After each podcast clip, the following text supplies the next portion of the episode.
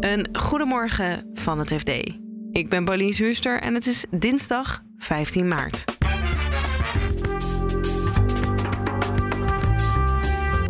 Banken willen vanwege witwasrisico's het gebruik van contant geld fors verminderen. Wat tot grote problemen leidt bij ondernemers die wel met cash moeten werken. Ik zie gewoon niet hoe ik zeg maar, mijn bedrijf draaiende kan houden als ik geen cash meer mag gebruiken. En de branchevereniging van de snackbars luidt de noodklok. De grondstofprijzenstijging en de energiekosten die de pan uitreizen, kunnen ze niet meer bijbenen. En snackbars durven hun prijzen ook nog amper te verhogen. We krijgen allemaal klanten in de zaak die, uh, die klagen over de dure benzine, over de dure, de dure supermarkt, de, de dure groentes. En als de eigenaar dan zelf ook nog eens een keer moet gaan zeggen dat hij zijn prijs omhoog, ja, dat voelt erg ongemakkelijk. Dit is de dagkoers van het FD. Advocaten zien de zaken binnenstromen van banken die ondernemers onder druk zetten om contante betalingen te verminderen of zelfs er helemaal mee te stoppen is allemaal een poging om witwasrisico's te verminderen. Eva Royers volgt al jaren voor het FD de aanpak van banken tegen witwassen. Breed proberen banken gewoon cash terug te dringen, maar zijn wel bepaalde sectoren waar ze nu harder optreden dan andere sectoren. En je ziet het volgens die advocaten vooral veel in de handel, bijvoorbeeld de metaalhandel of de handel met het buitenland, omdat daar gewoon nog meer cash wordt gebruikt. Ja, dus dat is niet zozeer omdat ze denken dat daar de witwasrisico's groter zijn, maar gewoon puur door hoe het is ingericht, de onderneming? Nou, ik denk beide. Dus bijvoorbeeld um, in de metaalhandel gebeurt het nog wel eens dat bijvoorbeeld gestolen koper eh, wordt verkocht. Uh, daar willen ze denk ik niks mee te maken hebben. Uh, maar ook de handel met het buitenland. Bijvoorbeeld in Afrika wordt nog veel meer cash gebruikt, in Duitsland ook. Is dat dan een groter witwasrisico? Ja, omdat je lastiger die geldstromen kan controleren. Maar is dat bedrijf per se betrokken bij witwassen. Nee, dat hoeft natuurlijk helemaal niet. Mogen ze dan wel nog een klein beetje cash gebruiken? Of wat zijn de regels nu van de banken die ze stellen aan die ondernemers? Nou, dat wisselt heel erg per bank. Nou, heel erg. Alle banken die proberen cash echt terug te dringen. Maar ik weet dat ABN AMRO brieven schrijft aan, uh, op dit moment aan metaalhandelaren, heb ik gezien, waarin ze zeggen: je mag nog 10% van de omzet, zeg maar, mag uh, in cash uh, gebeuren. Transacties. Rabobank, uh, ik heb, heeft in ieder geval een paar metaalhandelaren laten weten: het is ons beleid helemaal geen cash meer. Uh, de bank zelf zegt we kijken per ondernemer. Ik ken in ieder geval ondernemers die te horen hebben gekregen dat ze helemaal geen cash meer mogen gebruiken. En um, tegen wat voor problemen lopen nou, nou bijvoorbeeld die metaalhandelaars die je hebt gesproken, waar lopen die tegenaan?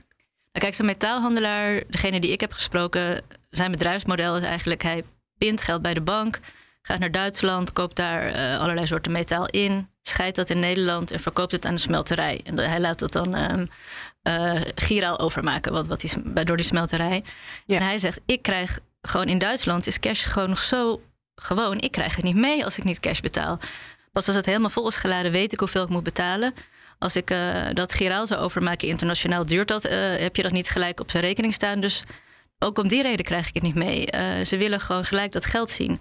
En uh, hij koopt ook in van particulieren in Nederland. Die willen ook het liefst met briefgeld betaald krijgen. En daar lukt het hem wel, omdat hij smeekt iedereen alsjeblieft wil je pinnen. Dus soms lukt dat, ja. maar ook bij heel veel niet. Ik bedoel, hij doet echt zijn best, zeg maar. Hij, uh, om, om zoveel mogelijk giraal te doen. Maar hij zei, ik, ik zie gewoon niet hoe ik zeg maar, mijn bedrijf draaiende kan houden als ik geen cash meer mag gebruiken. Zijn er eigenlijk nog een soort omwegen voor die ondernemers om bijvoorbeeld uh, nou ja, in Duitsland dan een rekening te openen en dat ze het zo kunnen omzeilen? Of?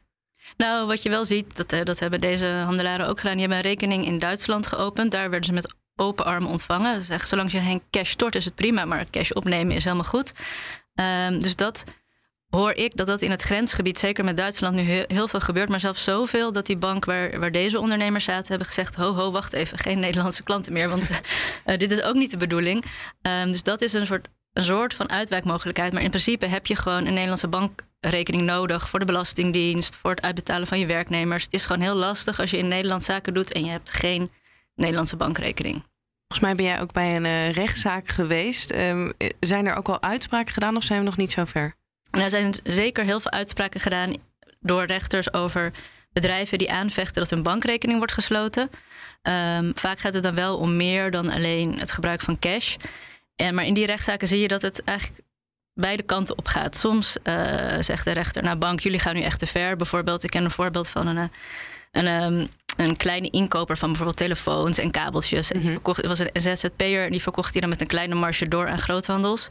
En daarvan vroegen banken, je moet ieder jaar ehm, soort produceren dat al je een bewijs dat al je afnemers, al je klanten, iedereen zeg maar geen enkel witwasrisico vormt. En daarvan zei de rechter, ja, dit gaat veel te ver. Zo'n onderzoek kan je helemaal niet neerleggen bij, eh, bij zo'n kleine handelaar. Maar het kan ook de kant van de bank opvallen. Bijvoorbeeld, er was een keer een zaak over een vastgoedbedrijf waarvan ze niet het paspoort van, van de aandeelhouder op wilden sturen. Ja, dan, dan zegt eh, de rechter. Dat lijkt me toch heel redelijk dat de bank daar, eh, daarom vraagt. Ja, mag dit wat de banken doen? Ja, banken zijn in principe vrij om zelf hun, hun beleid te bepalen. Dus volgens mij zijn er geen wetten die voorschrijven dat ze dit niet mogen doen. De Nederlandse bank heeft wel deze zomer gezegd van, eh, nou, dat het wel belangrijk is dat cash is gewoon een wettig betaalmiddel en dat dat ook bruikbaar moet blijven. Tegelijkertijd is de Nederlandse bank heel streng voor banken als ze niet genoeg doen om witwas te voorkomen en is cash een risico. Dus er zit een enorm spanningsveld. Ehm, daarom is ook de Nederlandse bank samen met banken en heel veel brancheverenigingen nu aan het overleggen van hoe gaan we dat nou doen, zeg maar. Er moet een soort akkoord komen van hoe met cash wordt omgegaan. Maar dat, dat gesprek loopt nog. J- jij volgt al een hele tijd eh, witwassen en ook wat Ja. banken doen om dat tegen te gaan. Eh, kunnen we dan zeggen dat ze nu wel heel streng zijn geworden? Nou, je ziet wel, dat is in ieder geval de klacht van advocaten. En ook wel dat het wel begint door te slaan. Die onderzoeksplicht die nu ook bij bedrijven neer wordt gelegd, gaat zo ver. Ze moeten zoveel- zo'n papierwinkel produceren. Ik bedoel, helemaal geen cash meer gebruiken. Ik snap het wel van de bank, want als ze, als ze niet genoeg, goed genoeg opletten, dan, dan krijgen ze enorm hoge boetes. Bestuurders kunnen vervolgd worden. Eh, dus ik snap het van de banken, maar ik snap ook dat. dat ondernemers helemaal gek worden. Eh, dus ik denk dat hier meer een rol voor de politiek ligt om te kijken van wat we nu zeg maar hebben opgetuigd, is dat nog wel efficiënt? En, en bereiken we het doel ermee dat we willen, zeg maar, dat er geen geld wordt eh, witgewassen en dat we dus de criminelen aanpakken? En ik vraag me af of dat nu gebeurt. Bij eentje daadwerkelijk langs geweest. Bij eh, Snackbar De Schakel in eh, Loosdrecht. Of Snackbar eigenlijk Cafetaria. Dat hangt er een beetje tussenin. En, Wat is het eh, verschil tussen een snackbar en een cafetaria dan? dat er in een cafetaria ook zithoekjes zijn. En dat je daar broodjes, ook uh, nadruk op ja. broodjes, verse broodjes. Kopje koffie, eh, dat soort werk. Daar ligt de nadruk iets meer op dan in een snackbar. Waar het uitsluitend om de vette hap gaat. Je hoort collega Frits Konijn, die het MKB volgt en dus ook de frituurbedrijven. Zijn er in Nederland ongeveer 5700 en voor bijna 2000 van hen zou het einde in zicht komen, zegt in ieder geval de branchevereniging. De reden daarvoor zijn de stijgende prijzen van zaken als frituurolie en kroketten, maar natuurlijk ook de energierekening, die voor veel frituurtenten enorm is gestegen, want zo'n 4000 zouden een variabel contract hebben. energie die eh, geslurpt wordt door eh, de frituur, dat, dat gaat nogal hard. Dat ding dat steken ze 's morgens om 11 uur aan en dat eh, blijft doorgaan tot eh, 12 uur s'nachts.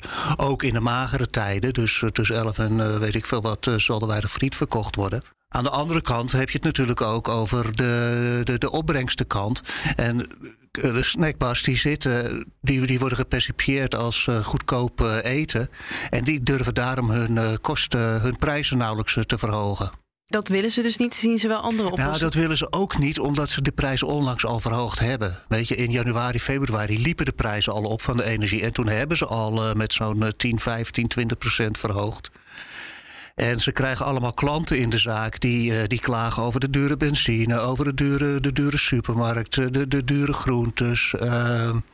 ja, en dat zijn natuurlijk typisch plekken waar eh, de klanten het daar eh, over gaan hebben in praatjes met de eigenaar. Ja. En als dan dit en als de eigenaar dan zelf ook nog eens een keer moet gaan zeggen dat hij zijn prijs omhoog, ja, dat voelt erg ongemakkelijk voor ze. Eh, Zien ze dan nog slimme andere oplossingen? Niet de prijs verhogen, maar bijvoorbeeld het daluur eh, de frituur uit? Of kan dat niet? Ja, dat, ja, nou ja, later aansteken. Komt het dan dan op neer. En dat, dat, dat gebeurt ook. Uh, sommigen blijven meer dagen dicht. Sommigen die, uh, die sluiten een deel van hun zaak af. Uh, er was er ook eentje die, die was op het plan gekomen om een energietoeslag.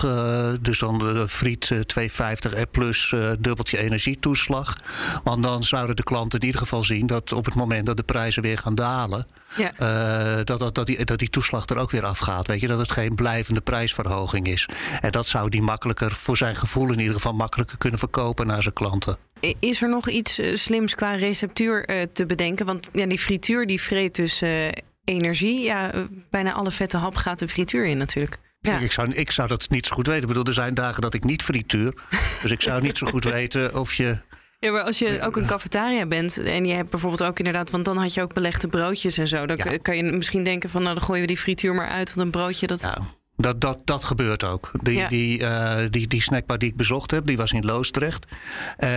Die zat er ook over te denken om de frituur dan gewoon maar uit te gooien. En inderdaad volledig op de broodjes uh, te gaan concentreren.